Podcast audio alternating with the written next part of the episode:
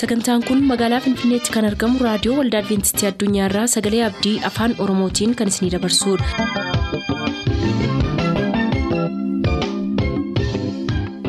jaalala gammachuu eebba waaqayyoo kan isiniif hawwinu kabajamtoota dhaggeeffattoota keenyaa attam jirtu sagantaa isin eebbisuu jennee hundaa qabannee dhiyaanneerra amma xumuraatti nu waliin tura sagantaa ilaa filaameedhaan sagantaa keenya jalqabna.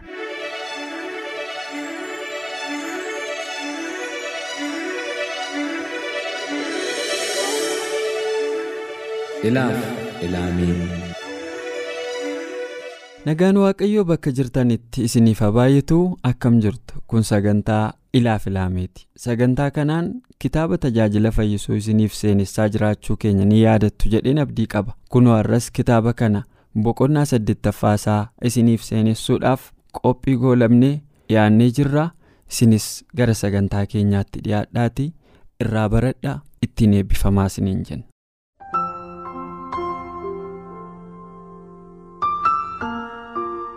Tajaajila fayyisuu boqonnaa saddeet ogeessi fayyaa barsiisaadha.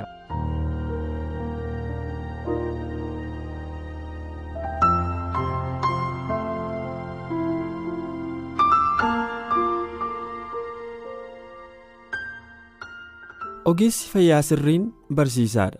Dhukkubsataa kunuunsa isaa jala jiru qofaaf utuu hin taane hawaasa keessa jiraatuuf itti gaafatama qabu ni hubata. Inni akka eegduu fayyummaa qaamaaf amileetti dhaabachuu qaba.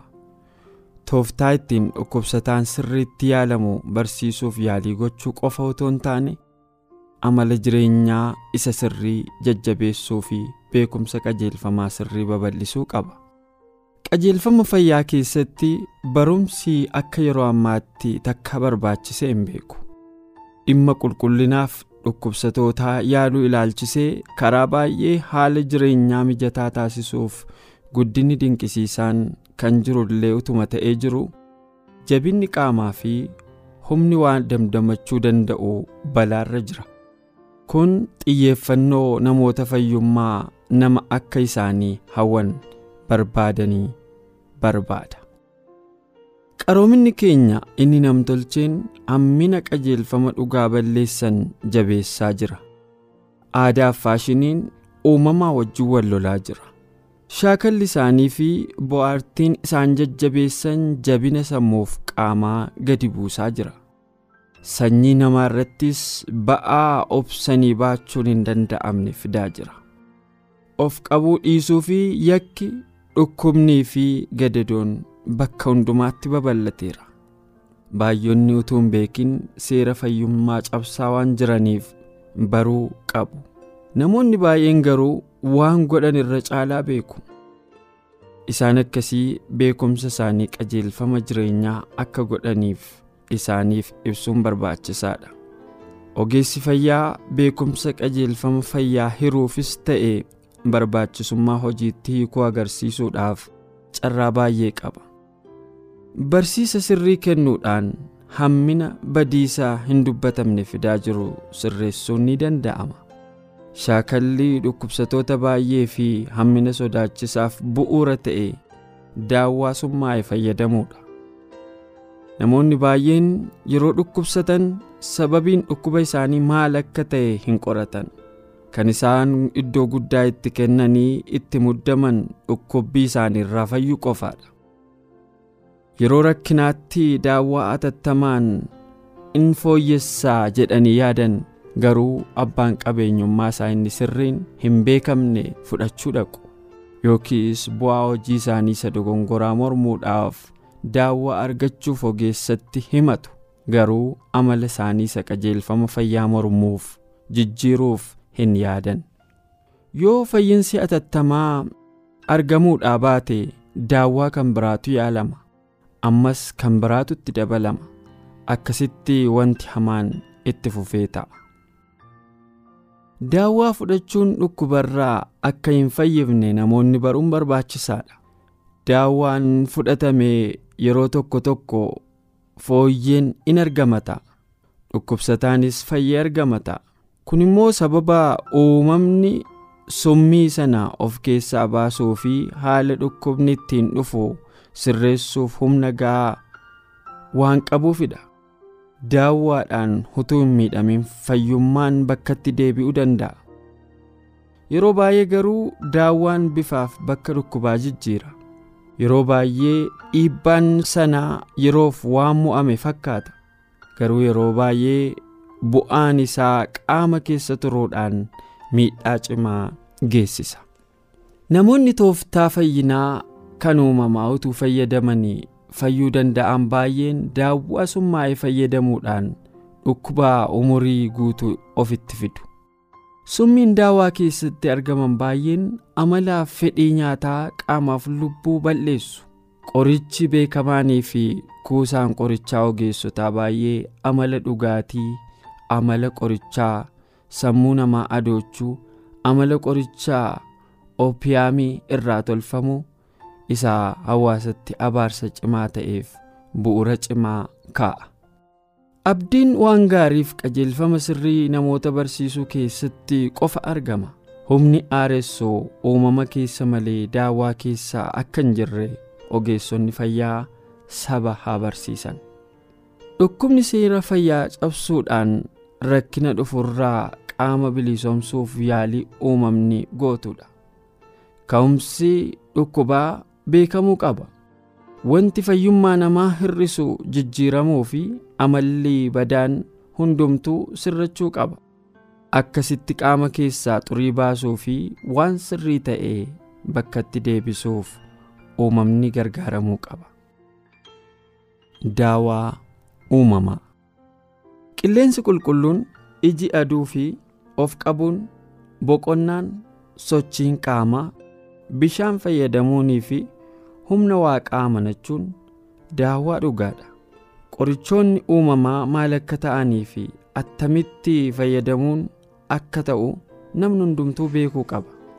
Namni dhukkubsatee yeroo yaalamu seera attamii hordofuu akka qabuu fi seenaa kana sirriitti itti dhimma ba'uun akka barbaachisu beekuun barbaachisaadha. Itti fayyadamni qoricha uumamaa yaalii fi of eeggannoo namoonni gochuu hin barbaanne gaafata. Adeemsi uumamaa suuta suuta waan ta'eef obsa kan hin qabnee fi harkifataa fakkaata. Amala faayidaa hin qabne dhiisuun aarsaa nama gaafata. Rakkoon yoo mudachuudhaa baate uumamni hojii ishee ogummaaf karaa sirrii irra geggeessiti. Seera uumamaaf jabaatanii kan abbooman hundumtuu badhaasa fayyummaa qaamaaf sammuu makaratu.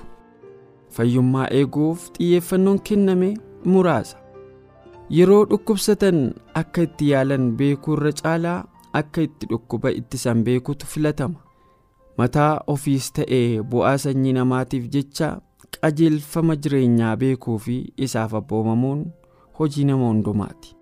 Waa'ee qaama namaa isa dinqisiisaa hundumtuu beekuu qabu. Gochaa fayyummaa hundumaaf hojii bu'aa qaamaa qabuu fi walitti hirkattummaa isaan qaban hubachuu qabu. Sammuun qaama irratti qaamnis sammuu irratti dhiibbaa isaan qaban qorachuun barbaachisaadha. Fayyummaan carraa irratti hundaa'uu isaatiif ragaan argachuun danda'amu tokko illee hin jiru. Fayyummaan bu'aa seeraaf abboomamuuti. Kun immoo dorgomtoota tapha ispoortii fi warra jabina qaamaaf shaakala godhan biratti beekamaadha. Namoonni kun of eeggannoodhaan qophee godhu. Isaan leenjiidhaaf gaarii godhanii of kennu. Qajeelfamas jabeessanii hordofu. Sirna fayyummaa qaamaa gaarii godhanii eegu. Bu'aa qaamaa yookiin hojii isaa dagachuun yookiin daangaa isaa wallaaluun akka isaan dadhabsiisu yookaan immoo akka isaan mo'aman akka taasisu sirriitti hubatanii beeku. Lola jireenyaa keessatti mo'icha mirkaneessuuf of eeggannoon akkasii attam barbaachisaadha. Lolli nuyi keessa hiriirree jirru qoosaa yookaan tapha miti. Lola bu'aa yookiis miidhamaa bara baraa qabu keessa hiriirree jirra. Diinota ijaan hin argamne wajjin wal lolla. Ergamoonni hamoonnis sanyii namaa hundumaa to'achuuf yaaliirra jiru. Wanti fayyummaa miidhu hannisaa qaamaa kan hir'isu qofa utuu hin taane humna sammuuf amilees kan dhabamsiisudha.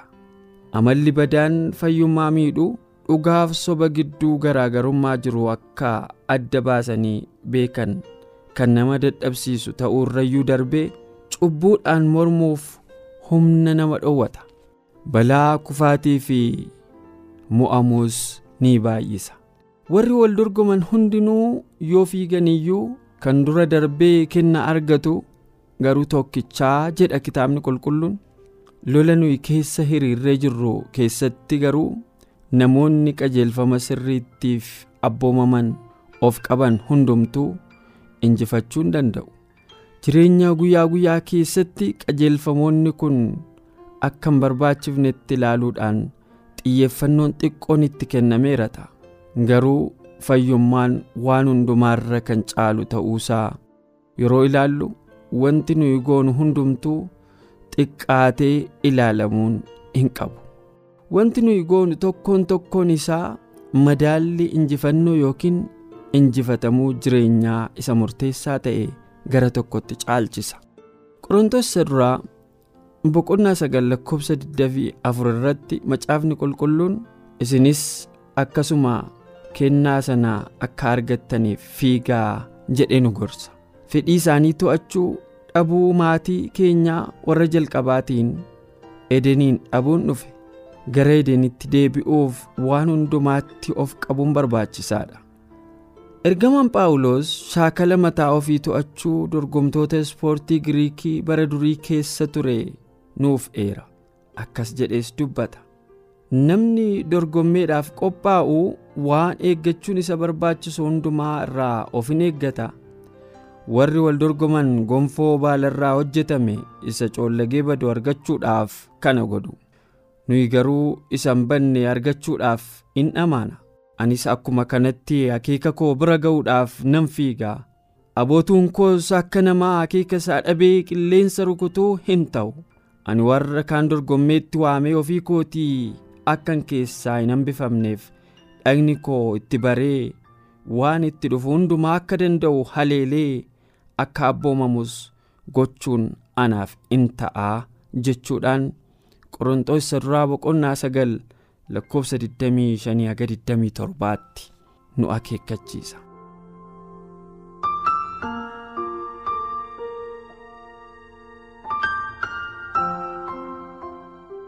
Eeyyeegaa kabajamoo dhaggeeffatoota keenyaa qophii keenya har'aatiin eebbifamtaniittu irraas barattaniittu jedheen abdii guddaa qabaa har'aaf qophii keenya asirratti goolamneerra kutaa lammaffaa kitaaba tajaajila fayyisuu boqonnaa saddeettaffaa kanaa immoo sagantaa ittaanuun isiniif qabannee dhiyaanna ammasitti ayyaanni waaqayyoo isiniif haa baay'atu nagaan nuuf tura.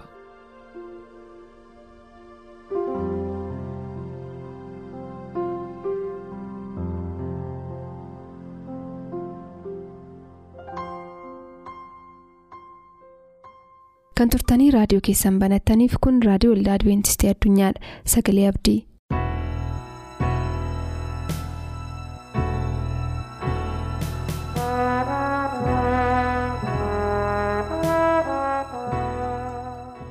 attam jirtu dhaggeeffatoota keenya. Sagaleen kun sagalee waaqayyoo kan dhaggeeffannudha. Yeroo kanatti fuula waaqa duratti walitti qabamnee sagalee waaqayyoo kana dhaggeeffachuudhaaf carraa guddaa waan arganneef waaqayyoon guddaa hin galateeffanna utuu gara barumsaa keenyaa har'aan naqiniin fuuldura hundumti keenyaa mataa keenya gadi qabannee waaqayyoon hin kadhanna. waaqarra kan jiraattu yaa ulfaataadhaaf tolaa nama abbaa keenyaa. tokko tokkoo keenya nagaatti fayyaatti eddee kan nyaannu kan dhunnu kan uffannu waan barbaachisu hundumaa nu laattee yoowwan hawwan nu geesseef maqaan kee eebbifamu keessumaayyuu immoo yaa waaqayyo abbaa sagalee kee isa waaqarraa sana dhaggeeffachuu akka dandeenyuuf ayyaana guddaa waan nu laatteef maqaan kee eebbifamu yeroo kana isin gidduutti argamtee sagalee kee isa dhaggeeffachuuf jennu kana hunduma keenyatti dubbadhu ittiin jiraachuus akka dandeenyuuf nu gargaari maqaa gooftee asuusin si kadhannaa nu dhagayi ameen. Sagalee har'aa kana kan ittiin dhaggeeffannu keessaa kan argamu Wangeela Yohaannis boqonnaa ja'a lakkoofsa soddomii shanii irratti argama. Wangeela Yohaannis boqonnaa ja'a lakkoofsa soddomii shanii jalqabee akka jedha. Yesuus isaaniin jedhee ana buddeenni jireenyaa. Gara koo kan dhufu hin beela'u. Kan natti amanus hamma bara baraatti hin dheebotu. Yesuus isaaniin jedhee ana buddeenni jireenyaa. Gooftaa yesus kiristoos isaan gidduutti argame biyya lafaa kanarra kan jiraatan hundumaaf waaqayyoo buddeen isa barabaraa isa jireenyaa sanaa eenyu akka ta'e innis immoo eenyuun akka barbaachisu isaanitti dubbata. Buddeenni namoonni keenya beekanii buddeena nyaatanii buddeena ittiin badaniidha. Buddeena namoonni biyya lafaa kanarraa argataa turanii hundumti keenyaa buddeena nyaannee nu balleessuudha malee hamma bara baraatti kan nu jiraachisu miti. Buddeena akkasii takka hin argine gooftaa yesus Kiristoos garuu biyya lafaa na dhufee ana buddeenni jireenyaa jedhe. Buddeenni jireenyaa gooftaa yesus Kiristoos gara koo kan dhufuu hin beela'u jedhe. Biddeen biyya lafaa kanarraa yommuu nyaannu yeroo baay'ee hin beelofna. Yeruma yeroo itti barbaannutti yeruma itti beelofnutti biddeen kana hin nyaanna. Garuu yeroo hundumaa hin beelofna. Buddeena barabaraa waan ta'e hin taaneef. Jireenya barabaraan waan nu hin geenyeef. Kanaaf isa kana dhiiftanii isinii buddeena jireenyaa isa barabaraa isa ta'e kana nyaachuutu isinirra jira jedhee itti dubbata gooftaa yesus Kiristoos. Kan natti amanus hamma barabaraatti hin dheebotuedha. Hin beela'u hin dheebotu. Buddeenni waaqayyoo isa waaqarraa gadi bu'eedha. Jireenyas biyya lafaatii kan kennu. Buddeenni waaqayyoo isa waaqarraa gadi bu'eedha. Gooftaa yesus Kiristoos waaqarraa kan gadi bu'eedha. Nu warra du'uun nurra ture bara hamma baraatti nu jiraachisuudhaaf. Nami buddeena kana baree buddeena kana nyaatu hin du'u. Hin badus. Hin beela'u. Hin dheebotus. Bara hamma baraatti. Nama jiraachisoo. Yommuu kana dhaggeeffatanii baay'een isaanii yesus hin jedhani waan nama gammachiisu wanti ta'eef takkaa dhagaanii waanta hin beekneef jireenya namaa waan haaressuuf lubbuu namaa waan gammachiisuuf akkasitti hin jedhan baay'een isaanii. Yaa gooftaa buddeena kanaa gaafa hundumaa nuu kenni jedhan. Baay'een kana jedhani buddeenni jireenyaa ana yommuu jedheedhu kan na nyaatu kan natti dhiyaatu hin beela'u barabaraan hin dheebotus barabaraan. Gaafa itti jedhee isaan barsiisuu isaanitti dubbatu yaa gooftaa buddeena kanaa gaafa hundumaa nuu kenni jedhan. Gaafa hundumaa nuu kenni. Buddeena kana yoo nyaachuu barbaaddanii gara koo kottaa ittiin jedhe. Yesuusis isaaniin jedhee dhuguman dhuguman isiniin jedhaa foon ilma namaa yoo nyaachuudhaa baattanii dhiiga isaas yoo dhuguudhaa baattanii jireenya hin qabdanuu ittiin jedhe. Jireenya barabaraan kan nu ga'u suni jireenya barabaraa kan qabaatu suni. Yoo namoonni isa nyaatanii hamma bara baraatti jiraachuu kan danda'ani inni foon gooftaa yesuusii fi dhiiga gooftaa yesuus isaaniin jedhe. Dhuguman isiniin jedha. Dhaggeeffadhaa foon ilma namaa yoo nyaachuudhaa baattan. Ilma namaa jedhee yommuu dubbatu asirratti gooftaa yesuus mataa isaatiin jedha. Malee namootaan miti.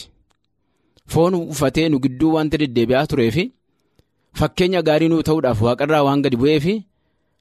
Ilma namaa ofiin jedhee of waama.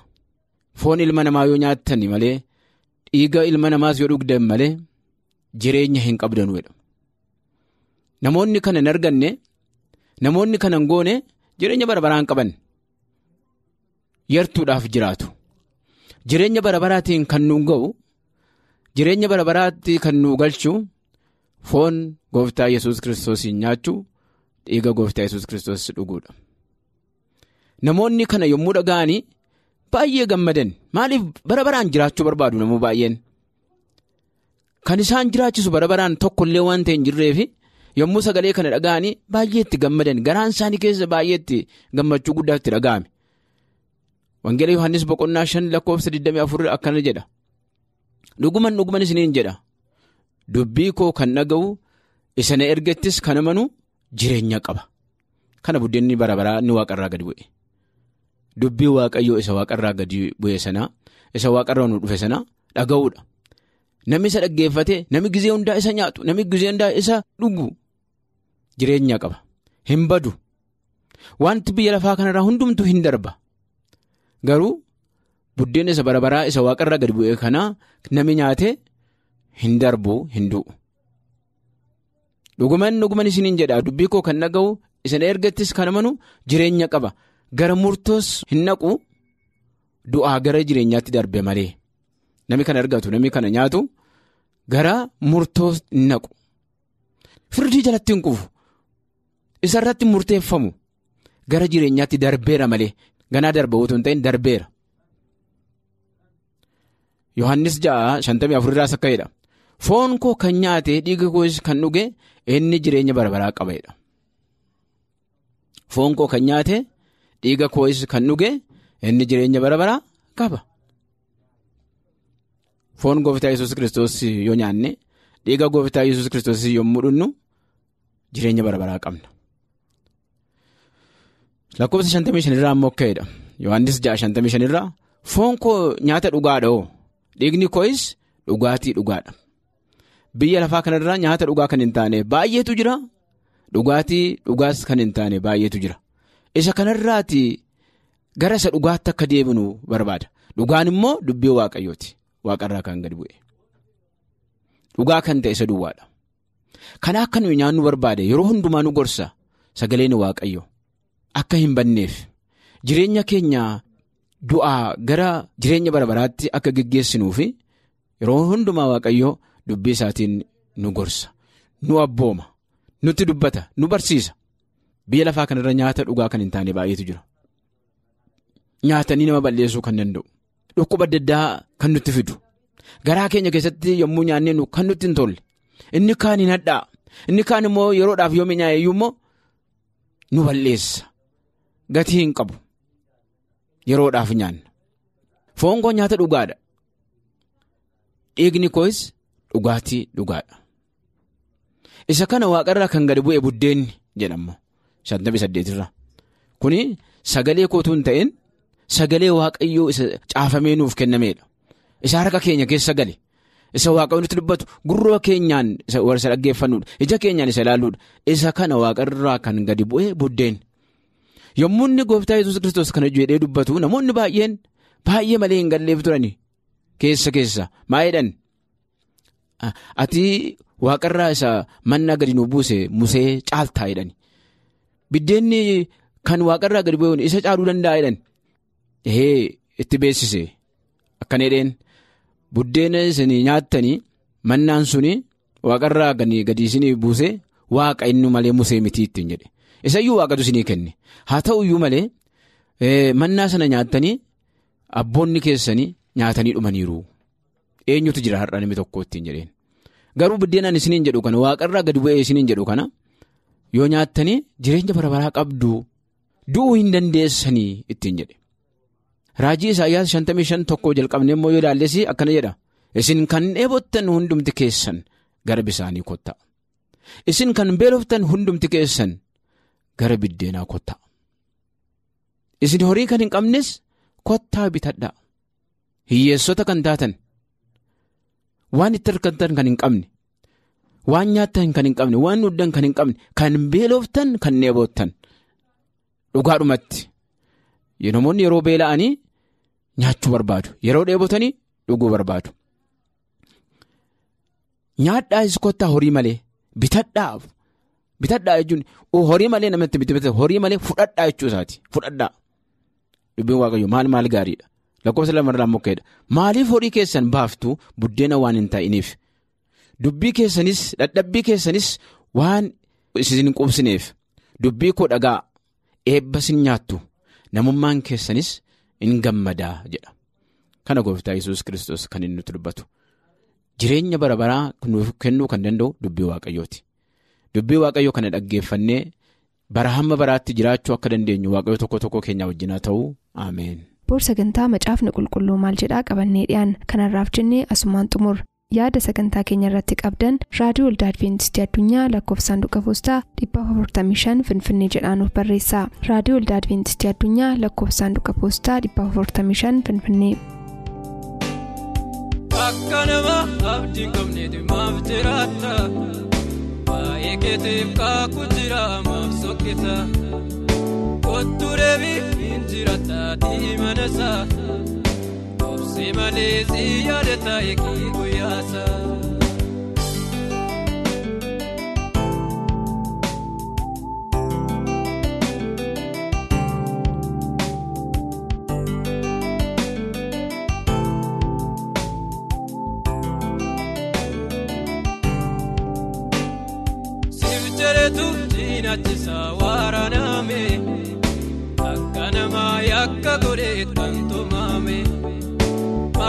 Arraanfatta yaada dhumee akka kuusaa Waaqni jabaan eessa jira kan akkaasa Akka nama abdiin qabneetu maaf jiraata Baay'ee keetiif kaakuu jira maaf sokkisa Kottu deebii hin jiraata diimana isaa Obsi malee si yaadata eegi guyyaasa.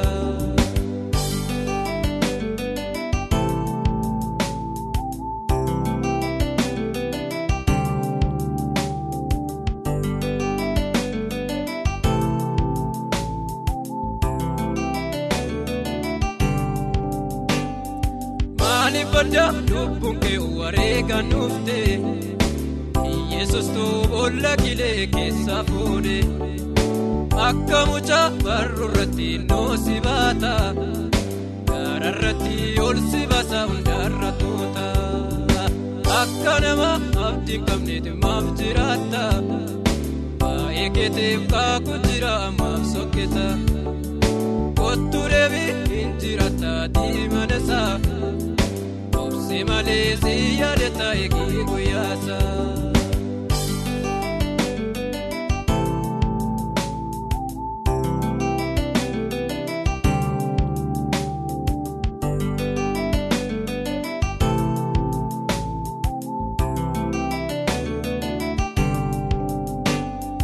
Keessa qabdu keessa balaan waaraan saakee Kooftaan beekaa itti maddu iddoo dhibeekee Hin fayyita isa targa dhibee dhokaata Yoo deebitee kan ulfinaa koo dargatta Akka nama abdiin qabneeti maaf jiraata Baay'ee keetiif kaakuu jira maaf sokkita Kottu deebii hin jiraata diimana isaa Obsi malee si yaadata eegi guyyaasa.